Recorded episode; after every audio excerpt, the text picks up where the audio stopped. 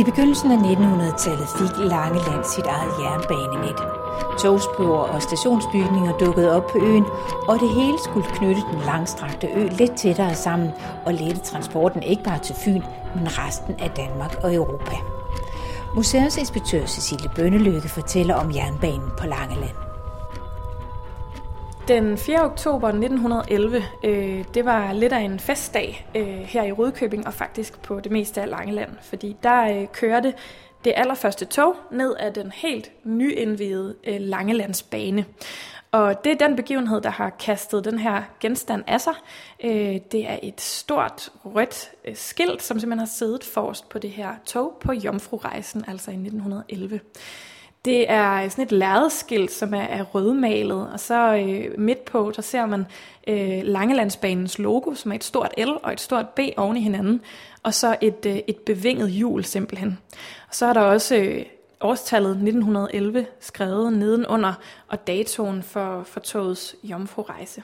Så øh, skiltet her, det, det fortæller altså en, øh, en lang historie om øh, den her æra med Langelandsbanen på Langeland. Og inden du får lov til at folde den historie ud, så kan vi jo lige kigge på det her fotografi, som er afbildet nedenunder. Øh, fordi det forestiller jo det lange, meget fine lokomotiv, netop med det her skilt foran. Det ser ud som om, at det her det er en kæmpe, kæmpe festdag, der hvor toget det står foran Humble station. Jamen, det blev også virkelig fejret. Øh, nu havde Langeland endelig fået sin egen private togbane, i hvert fald syddelen af øen. Øh, så der var en, en stor flok mennesker forsamlet foran banegården øh, i Rudkøbing, hvor toget startede sin rejse, og der var flag, og der var musik og bøgegrene og festlighed. Og så gik toget altså øh, sydover ned mod Banekop, hvor det stansede på alle stationerne, og folk ligesom havde lov til at, øh, eller havde mulighed for at fejre øh, den her nye teknologi og bese det her spændende vidunder, som lokomotivet jo altså var på det her tidspunkt. Og det her årstal 1911, er det på det her tidspunkt, hvor Danmark får jernbaner i stort set hver, hver en afkrog? Det er lidt sent i forhold til, øh, hvilke, eller hvornår de øvrige baner i, i landet ellers bliver anlagt. Øh, den allerførste jernbane kommer i 1847, øh, i hvert fald i det vi nu kender som Danmark, endnu tidligere i 1844, var der en Altona Kiel-bane. På det tidspunkt var Tyskland jo, eller den del af Tyskland en del af Danmark. Men i 1847 kommer den første bane mellem øh, Roskilde og København. Og derfra så går det altså slag i slag med, at øh, landet bliver spundet ind i sådan et stadig mere finmasket net af, af jernbaner. Så øh, slutningen af 1800-tallet er virkelig den tid, hvor øh, den her nye hurtighed kommer til landet, hvor det bliver meget lettere at komme fra sted til sted i Danmark, øh, og hvor, øh, ja, hvor man for alvor kan, øh, kan, ja, kan komme hurtigere sted hen over landet simpelthen. Og så hvis vi vender os om her i udstillingen, så er der altså yderligere fem billeder, som forestiller de forskellige banegårde, som der kommer til her på Langeland. Hvad kan du fortælle om dem? Det er øh, en række stationsbygninger, som øh, bliver opført øh, efter banens åbning.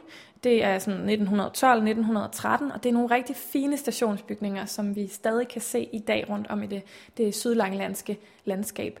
Det er nogle øh, bemærkelsesværdige bygninger. De er arkitekttegnet, øh, nogle af dem er tegnet af arkitekten Helge Bøjsen Møller, men de er opført af lokale firmaer faktisk, og det er, øh, det er altså nogle bygninger, som, som stikker lidt ud i, i, i de lange den langelandske arkitektur i dag, selv hvor banen jo ellers ikke eksisterer mere. De her fem stationer, der så bliver lagt på Langeland, det er jo altså ikke bare for, at langelænderne skal have fornøjelsen af at køre rundt her på øen. Der er jo et langt større formål med det her. Hvilken betydning får banen her på Langeland? Den får rigtig stor betydning. Der er faktisk hele 18 stationer, øh, og også en del øh, mindre trinbrætter.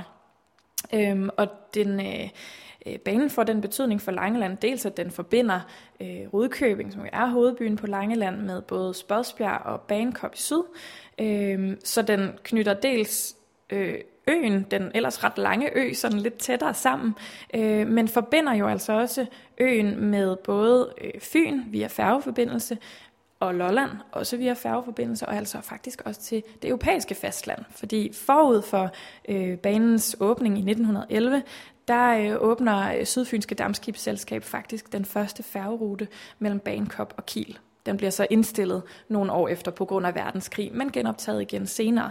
Så banen er virkelig noget, som på den måde gør Langeland til et, øh, et trafikalt knudepunkt i, i Syddanmark. Det kan man i hvert fald godt sige, ja. Men hvis vi så lige vender os yderligere en kvart omgang, så er der jo så netop det her kort over Langelandsbanens forløb. Og det ser jo ikke ud som om, at det er den ene og den anden ende, der er forbundet her. Hvordan kan det være, at der er sådan nogle øh, ender af Langeland, man har bidt af? Øh, altså helt nede syd på Langeland, øh, der, den, banen stopper i, øh, i Banekop, og der er selvfølgelig et lille stykke sydpå, men hvor der øh, primært er, er noget skov og noget mose. Øh, men det mest beværkelsesværdige ved banen er nok, at den jo stopper sådan cirka midt på øen med Rudkøbing og med Spodsbjerg. Og grunden til, at, øh, at den aldrig kom op nordpå, ja, det er ikke på grund af, af manglende vilje, fordi der var faktisk flere tilløb til, og der lå egentlig også en, en godkendelse af, at man kunne, øh, man kunne oprette en bane, der gik helt op til Lohals i nord. Men af flere årsager, så blev det faktisk aldrig til noget. Øh, der manglede kapital, dels, og så øh, skulle den eventuelle bane i nord altså løbe langs med den store landevej deroppe af. Så der var ligesom øh, flere grunde til, at den, ja, at den aldrig blev til noget, at man fandt den overflødig.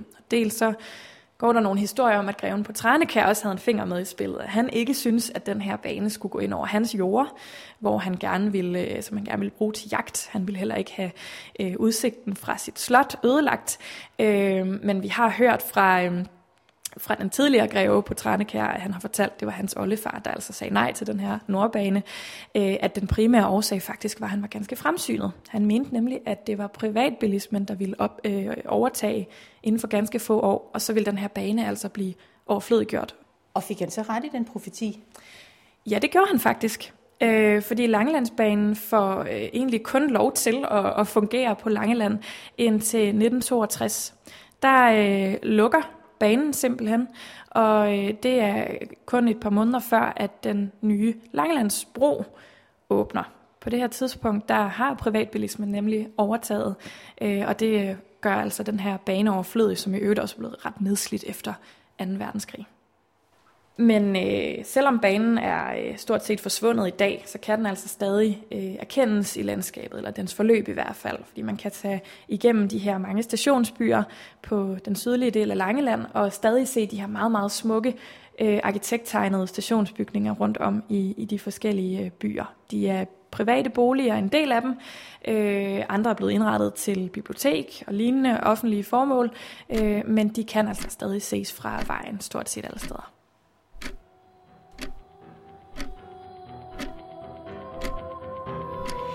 Historien om Langelands jernbane bliver foldet ud på udstillingen Historie om Langeland, som kan ses på Langelands Museum i Østergade i Rudkøbing resten af 2017. Denne podcast var produceret af Dorte Chakravarti.